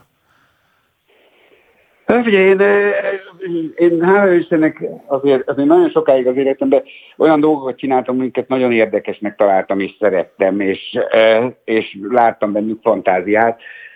A Félix egy gyönyörű kirándulás volt, tíz éven át tartott, azt hiszem hét lemezt adtunk ki együtt közösen, Kicsit így úgy amúgy azért járogattunk itt-ott, ott, találkoztunk egyébként Animával is a Barbikenben, Londonban, E, és jó volt, ez egy, ez egy nagyon... Mi ez így, csak összefutottatok ott hirtelenjébe? Igen. Hát a, a Zsolték is ott játszottak. Tudom, tudom, tudom értettem. nem tudom, milyen esemény volt. A Zsolték is ott játszottak, meg a Félixnek is ott volt föllépése.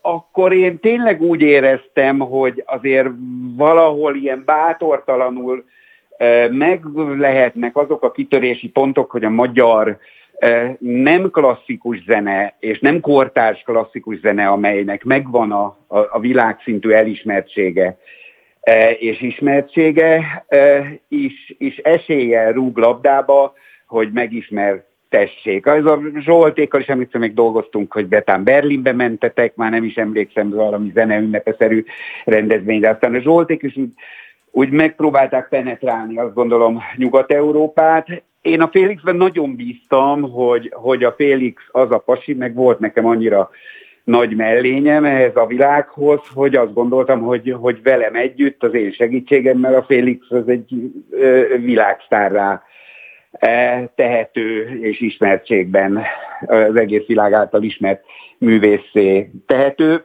Ez nem sikerült a mi közös munkánk során, ez, ez biztos, de, de és valahol ez nyilván csak a, a, a harmad, negyed rangú fontosságú kérdés volt. Imádtam a félix dolgozni, mindenki mondta, hogy ilyen nehéz, olyan nehéz, nagyon jó barátságban is voltunk, és azt gondolom, hogy, hogy tényleg egy, egy iszonyú sokszínű, egyedi, és, és, és olyan, olyan, olyan mély pasi, aki, aki, aki, aki, aki tényleg a zenéjén keresztül olyan emberi érzéseket és egyebeket tudott kifejezni, ami azért elég ritka és példanélküli. Zsolt, te mit gondolsz ezekről a kitörési pontokról, amit megpendített a Vova az imént, tehát hogy a nem klasszikus zenében a magyar kultúra által, vagy előtt álló, vagy magyar kultúra által tartalmazott lehetőségekről? Csak szubjektív dolgokat tudok mondani, ami, ami, ami, ami az én tapasztalatom. Amikor komoly menedzserrel dolgoztunk, akkor Európa turnén voltunk, meg spanyol turnén, meg Benelux turnén, meg Moszkvától Londonban, nem tudom, játszottunk Prágába, Londonba biztos 20-szor, 20-szor, vagy 15-ször, 15-ször, én ezt nem tudom már. És ezek fantasztikus koncertek voltak, és ott volt a, a, a, az éppen ö, működő zenei, világzenei, elektronikus világzenei elit sok tagja, csináltunk közös dolgokat az Asian Dub Foundation-nel, meg németekkel, meg britekkel, meg nem tudom.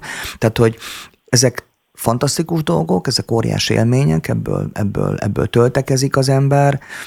Sosem volt szerintem komoly cél, hogy, hogy az animából valami valami hihetetlenül elsöprő dolog legyen. Ha visszagondolok rá, egyébként megvoltak azok az éppen aktuális szegmensek benne, amiket éppen összedobáltam, szerintem nem feltétlenül tudatosan, hiszen utána meg teljesen elfelejtettem, és elegem volt a világzenéből, sőt, meghallottam ezt a szót, rosszul voltam én népzene rajongó vagyok elsősorban, és a világzenét egy kicsit ilyen felcímkézett dolognak éreztem, de hát persze egy csomó meg odasoroltak bennünket egy csomó dallal, de mondjuk a 68 meg a csinál gyereket, meg a nem tudom, ennek köze nincs hozzá.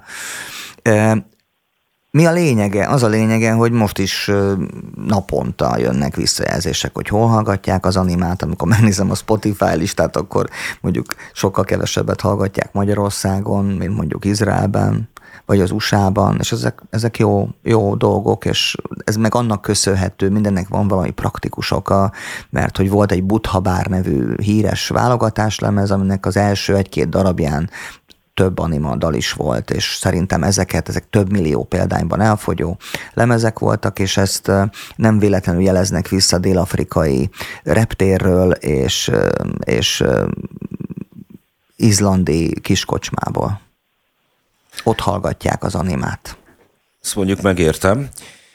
Meg egyébként hát alapvetően számunkra is izgalmas minden olyan népzenei, népzenei feldolgozás, ami a világnak egy másik tájáról való, és valamiféle csatlakozást, kapcsolódást tudunk hozzá. Hát főleg, hogyha nem egy ilyen címke, nem egy, nem egy lobogó, nem egy zászló. Most, hogy Mondok egy-két példát. A Bognár Szilvi nagy örömmel tér vissza, és csináltunk vele koncerteket. Most az új, a Derkovics című gyökereket keresni a lemezzel lesz egy Énekelj még Bognár Szilvi című dalunk például. Tehát, hogyha ez organikusan működik, akkor ez tök jó. Vagy a Kovács Antival, a Romanodrom frontemberével, az Andodrom egykori fantasztikus zeneszerző és előadója, évek óta munkatársam. Spanyolországban, a Pireneusokban ismerkedtünk meg, nagyon vicces, egy, egy szigeten volt egy közös koncertünk, Ez ott pacsisztunk. Igen, mert akkor még nem volt romanodrom. Igen. és, és ott találkoztam vele, és azóta van egy ilyen, egy ilyen barátkozás, haverság, most meg egy nagyon mély, majdnem testvéri kapcsolat, és akkor ebből vannak közös számok, amiket élőben lemezen adunk elő. Az egyébként, Vova, hogy, hogy amikor ennek a közönségnek, ennek a városi undergroundból jövő, vagy éppen akkor az undergroundhoz kapcsolódó közönségnek, mennyiben volt újdonság, mennyiben volt extravagáns dolog az, hogy például az Ában elkezdett játszani az Andodrom, vagy a Káiák? Vagy a muzsikás. Igen. Szerintem ebből a roma zenei fölvetésed az egy fontos része volt a, a dolognak. A muzsikás szívem csicske közepe és mérhetetlenül megtisztelő, de ők, ők, ők, ők, ők talán egyszer fölléptek az ába, azt hiszem az X nevű eh, holland. Most jutott eh, eszembe, ugye, a, akik a hidegen fújnak a Select című népdalt fel is dolgozták. Így. Így igaz, így igaz, így igaz. Tehát ők azért nem voltak a, a klubkultúra mindennapi fellépői, mi óriási megtiszteltetésnek vettük azt, hogy ők eljöttek, ilyen párosításba jöttek el föllépni, de azt gondolom, hogy az egy nagyon fontos áttörés volt, hogy hogy a mainstream, akármennyire is underground, azért a Tilos az egy ilyen mainstream eh, szórakozó hely volt, ott megjelent a roma autentika. Eh, és, és, és, és, és a buli, és a mindennap, és, és azzal a, az önazonos e, céllal, meg, meg is nem céllal, hanem, hanem történéssel, hogy valóban buli lett. Tehát akkor csurig a plafonról is folyt a verejték, mindenki táncolt, és Andodrom, és Szilvási Gypsy Folk, és Lindri, és, és, és mindezek a, a, a, a, a roma autentikus eh, zenék, azt gondolom, hogy, hogy nem voltak jelen. A mit tudva jelen voltak, eh, fekete-fehéren a magyar eh, televízió világában, de, de, de, és nyilván a cigánytelepeken élt ez a zene, de nem penetrálódott át, azt gondolom, a, és ugye itt most nem az éttermi cigányzenéről beszélünk, hanem, hanem arról az autentikus eh, névzenéről, amit ezek a zenekarok képviseltek. Szóval szerintem ez fontos volt, és ez, ez az én ismereteim szerint úgy nagyjából nálunk a Tilosodába indult el. Még azt is elmondhatom, mert ez tényleg érdekes, hogy egy tök véletlen e, e, történés előzte ezt meg. Balog Béla, aki nagyon fiatalan elhunyt e, cigánytáncos e, ember volt, ő bejött egyszer a pereputja 80-10 zárás környékén, és... Tehát hajnalban. Legte, hajnalban négy óra körül, igen, és a legnagyobb természetességgel elkezdett, nem tudom, dobolni a két kezével az asztalon, vagy a széken, és a többiek nem tudom, hogy csettingetni, valaki lekapott egy, hogy hívják, nem tudom én, egy, egy befőttes üveget, és elkezdett rajta kannázni, és, és, és, és, és azt a 8, 10, 10, 20, 30 embert, aki ott volt, e, azt kellemesen elszórakoztattam, hogy Béla, mint, ha mi sem lenne természetesen, odajött a végén, bemutatkozott, hogy ő kicsit, és azt mondta, megpödörte a katkás bajuszát, és azt mondta, hogy ő ide ilyet tud hozni, érdekel bennünket. És így lett e, az, egész dolog, nem előzte meg semmiféle piackutatás, szervezői kutatómunka, semmi az égvilágon, hanem, hanem így lett. Ezt azt gondolom, hogy ez, hogy ez, egy, ez, ez egy fontos fejlemény volt. Amilyen szinten én azt gondolom, hogy most manapság én nagyon hiányolom a, bár már benne vagyok a korba, tehát nyilvánvaló, hogy, hogy annyira nem ismerem a terepet, de, de hiányolom azt a klubkultúrát, ami akkor kialakuló félben volt, egy rövid ideig élt, egy kicsit leváltotta ugye a, az egyetemi klubok jazz klub világát, ami ezt mondjuk megelőzte, és, és egy fantasztikusan jó terep volt, én azt gondolom szintén, befogadóként, közönségként is, meg magát a, a, a jazz terepet is én azt gondolom, hogy ez, ez nagyon szépen életben tartotta és inspirálta, ez az én egyetemista év, éveimre, a tilos előtti évre, évekre utalok, és, és, és, és, és most hiányzik nekem az, hogy, hogy, hogy, hogy igen, valóban az, hát nálunk ugye évi 300 fölött volt a koncertek száma, tehát vagy valamilyen események száma. Nem tudok olyan helyről ma Magyarországon, vagy Budapesten sem, meg sehol egyéb helyeken, hogy ahol, ahol, ahol, ahol, ahol ez, ez, ez, ez, ez, ez igény lenne, meg megtörténne. Szerintem fontos lenne, hisz, hisz, hisz azért azt gondolom, hogy nem egy zenész elmondta, hogy őket az is, Kollár Clemens Laci mesélte nekem, emlékszem annó, hogy ők ott ültek a, a, az ába kinn a külső terembe, és látták, hogy, hogy itt komolyan veszik a hangtechnikát, hogy itt föllép ez az amaz, és úgy ott döntötték el, hogy akkor megalakítják az Andersen zenekart. Ott láttam először az Andersen-t. Igen, ez, szóval, hogy, hogy ez, ez magára a szénára is azt gondolom, hogy inspirálólag hathatna. Nem látom, hogy lenne ilyen, ilyen, ilyen világ. Hát helyben vagyunk, ugye az én egyik veszőparipámnál. Mennyiben érzitek azt, hogy nyárspolgáribb lett a világ, nem 90-es évek elejéhez képest, hanem a 80-as évekhez képest? Tehát a, olyan hely, mint a Tilos az Á, az, az erős gyanúm, hogy még a buli negyedben sem kapna jelen pillanatban engedélyt. De hogy a, ha meg is kapná, akkor két hét múlva feljelentenék, az is biztos, és nem a piaristák tennék meg, ahogy azt... De hát már a tilos özát is a 90-es évek közepén Mondom, azért... a piarok, mert ugye a Mixed Kálmán téren ott van a, a, a piaristáknak az épülete, és ott, ott volt a mondén tilos az ával kapcsolatban egy ilyen mm, folyamatos hát meg volt más támadás, is, de hogy... jobban tudja. De hogy amit, amit, amit most előbb Voma mondott, hogy azért a, a külvárosokban tele voltak különböző klubokkal, rockklubokkal. Vidéken, vidéki egyetemi és fővárosi, vagy fő ö, iskolai városokban ö, volt egy virágzó klubélet. Van ennek jelen pillanatban nyoma? Hát, vannak, van. vannak klubok, de, de más a struktúra, meg másként készülnek a zenék is, másként működnek a zenekarok, előbb van menedzser és, és videóklip, és utána majd valamikor lesz egy album, egy csomó celeb popstar nem csinál 15 évig albumot, és mégis ott van a televízióban. Teljesen más az egésznek a struktúrája, és ezt visszasírni felesleges, viszont impulzusokat nyerni belőle meg lehet és kell is. Én folyamatosan úgy dolgozom, mint amikor ott játszottunk a Tilos hazába. Na, hát, hogy ez nem változott. Kötöm azért az ebet a karóhoz, és csatlakozom a Vóvához, amit ugyanis ő előbb említett, az a spontaneitás, hogy úgy jönnek létre dolgok, hogy, hogy nem tervezed meg. És szerintem a spontaneitást nem lehet kikapni az életből, ha nincsenek helyek, terek, ahol emberek találkoznak, home office-ból izgalmas dolgok húzamosabb ideig nem tudnak kisülni. Hát a találkozások nem feltétlenül kell, hogy a tilos az ába létrejönnek, létrejöhetnek a nem bárba is, meg létrejöhetnek egy csomó más helyen is.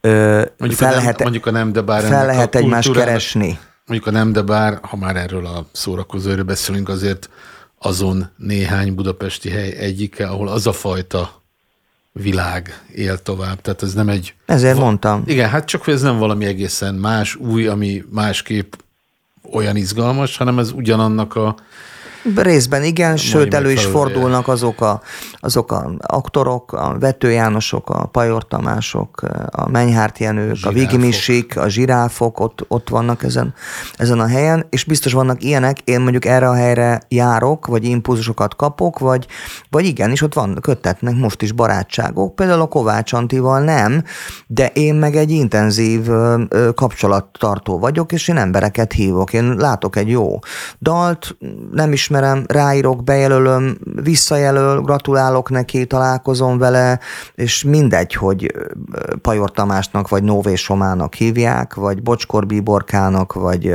Magyar Borinak, együtt akarok velük dolgozni, impulzusokat akarok tőlük kapni, és akkor kiderül, hogy ők meg mondjuk animán nőttek föl. Ez számtalanszor, ez folyamatosan, ez hetente, havonta fordul velem elő. Egyébként pedig, amit András mondott, vagy mondtál, most nem magázni akartalak előbb, csak hozzád is fordulok. Ön. Meg, meg ön, amit ön mondott. Szóval, hogy ugye tehát ez is közhely nyilván, de hogyha erről beszélünk, akkor nem lehet nem leszögezni, vagy elmondani, hogy hát ugye alapvetően a maga kultúra, vagy egyáltalán az életünknek a keretei változtak meg, hát közösségi média, tényleg már szinte unalmas is ezt mondani, de hogy alapvető, alapvető ismérvei az életünknek változtak meg, nem hogy 1990-hez képest, de még 2000-hez képest is. Tehát azért az, amiről beszélgetünk, a tilos az áll, meg ez az egész ilyen kulturális mikroklíma, ez egy 30 plusz évvel ezelőtti helyzet. Tehát azóta minimum egy, de inkább kettő ilyen földindulásszerű paradigmaváltás volt az, Ami élet, ráadásul az életmódban, a, a kultúrában, egyebekben. Hát a kommunikációt ez segíti. Tehát sokkal hamarabb tudok odalépni valakihez a virtuális pulthoz. Igen, de közben szerintem egyszerre bizonyos... Hát mind a kettő fontos, de azt mondom, hogy az, hogy, az, hogy te meg tudsz valakit keresni virtuálisan, és utána azt egyből gyakorlati kapcsolatra váltod, együttműködésé, barátságá váltod, az, az én, itt a lehetőség. Én ezt, nem, én ezt, ne, én ezt kicsit én ezt gyakorlom, csak azért Tudom, mondtam. ezt én értem, de szerintem ez egy ellentmondásos helyzet. Igen. A virtualitás bizonyos dolgokat megkönnyít, bizonyos dolgokat Hogyne? pedig tönkretesz. Természetesen. Hogyha ezt nem váltod napi gyakorlattá, barátkozássá, közös ebéddé, közös piálássá, közös e, e, hely előtt átsorgássá, akkor keveset ér keveset ér, de beindítani rakétákat, kapcsolatokat, szimpátiákat, gratulációkat viszont gyorsabban lehet. A terek változtak meg. Azért mondom, hogy nincsen jobb, meg rosszabb korszak, hanem, hanem, hanem most valamiféle új, közepén, elején vagyunk, amiből kialakul valami, és hogyha ez egy, ezt kegyelmi pillanattá váltjuk, és szerintem azon kell lennünk, akkor ezt humanizálni lehet ezt a, ezt a sztorit, és a tilos hozzá jellegű helyeket azt létre lehet hozni az életünkben. Irigylem az optimizmusodat, én nem, hogy most nem lennék kamasz, de ezt most már egy ilyen 11-két éve érzem azt, hogy nem lennék, és nem változott meg az ebéli ö, hozzáállásom. Ö, ugye amit előbb említettem, hogy hova lehetett elmenni, mondjuk nem hogy a 90-es években, 80-as években, a, a, azért élünk városban, nagyvárosban, éjjel-nappal nagyvárosban, szolgáltatások mindegyikét majdnem minden napszakban meg tudjuk szerezni. Ehhez képest, hogy nem, hogy hova menni nem lehet, hanem, hanem most már a legfrissebb javaslat az, hogy a Demokratikus Koalíciónak a budapesti polgármesterei még a dohányboltokban is meg akarják tiltani az, az éjszakai alkoholárusítást.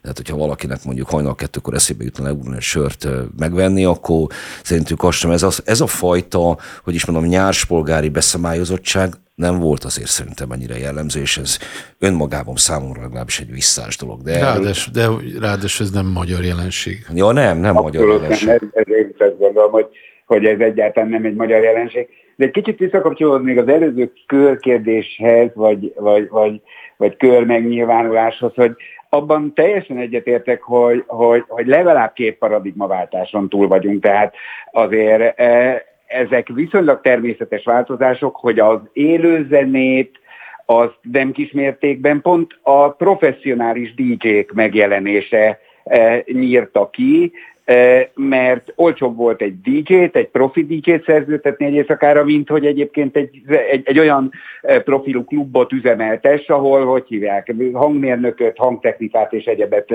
és nagy, nagy, nagy létszámú zenekart léptes fel. Tehát ennek a, a költségei nyilvánvalóan nagyságrendel nagyobbak voltak. Tehát én tudom, hogy még a 96-os bezárásunk előtt is már ez a történet dadogott. Nem tudom, hogy, hogy meddig tudtuk volna egyáltalán tovább vinni ezt, a, ezt, ezt az élőzenei klubkulturális vonalat, a teljesen természetes változásoknak köszönhetően. És ez, ezzel nem lehetett mit kezdeni, tehát ezt el kellett fogadni, ez, ez, ez, ez, ez hozta a, a, a, a fejlődés és egyáltalán a, a, a, a dolgok történése, és utána valóban én azt gondolom, hogy most már néznek, nem, én nem tudok olyan helyekről, hogy, de akkor ugye kialakult egy olyan, hogy akkor vannak rezidens DJ-k, hogy itt ez a rezidens DJ, ami megadta a hely zenei karakterét, aki hívta a saját vendégeit, és, és ezáltal egyébként kialakult egy törzsközönség, egy közönség a dolognak.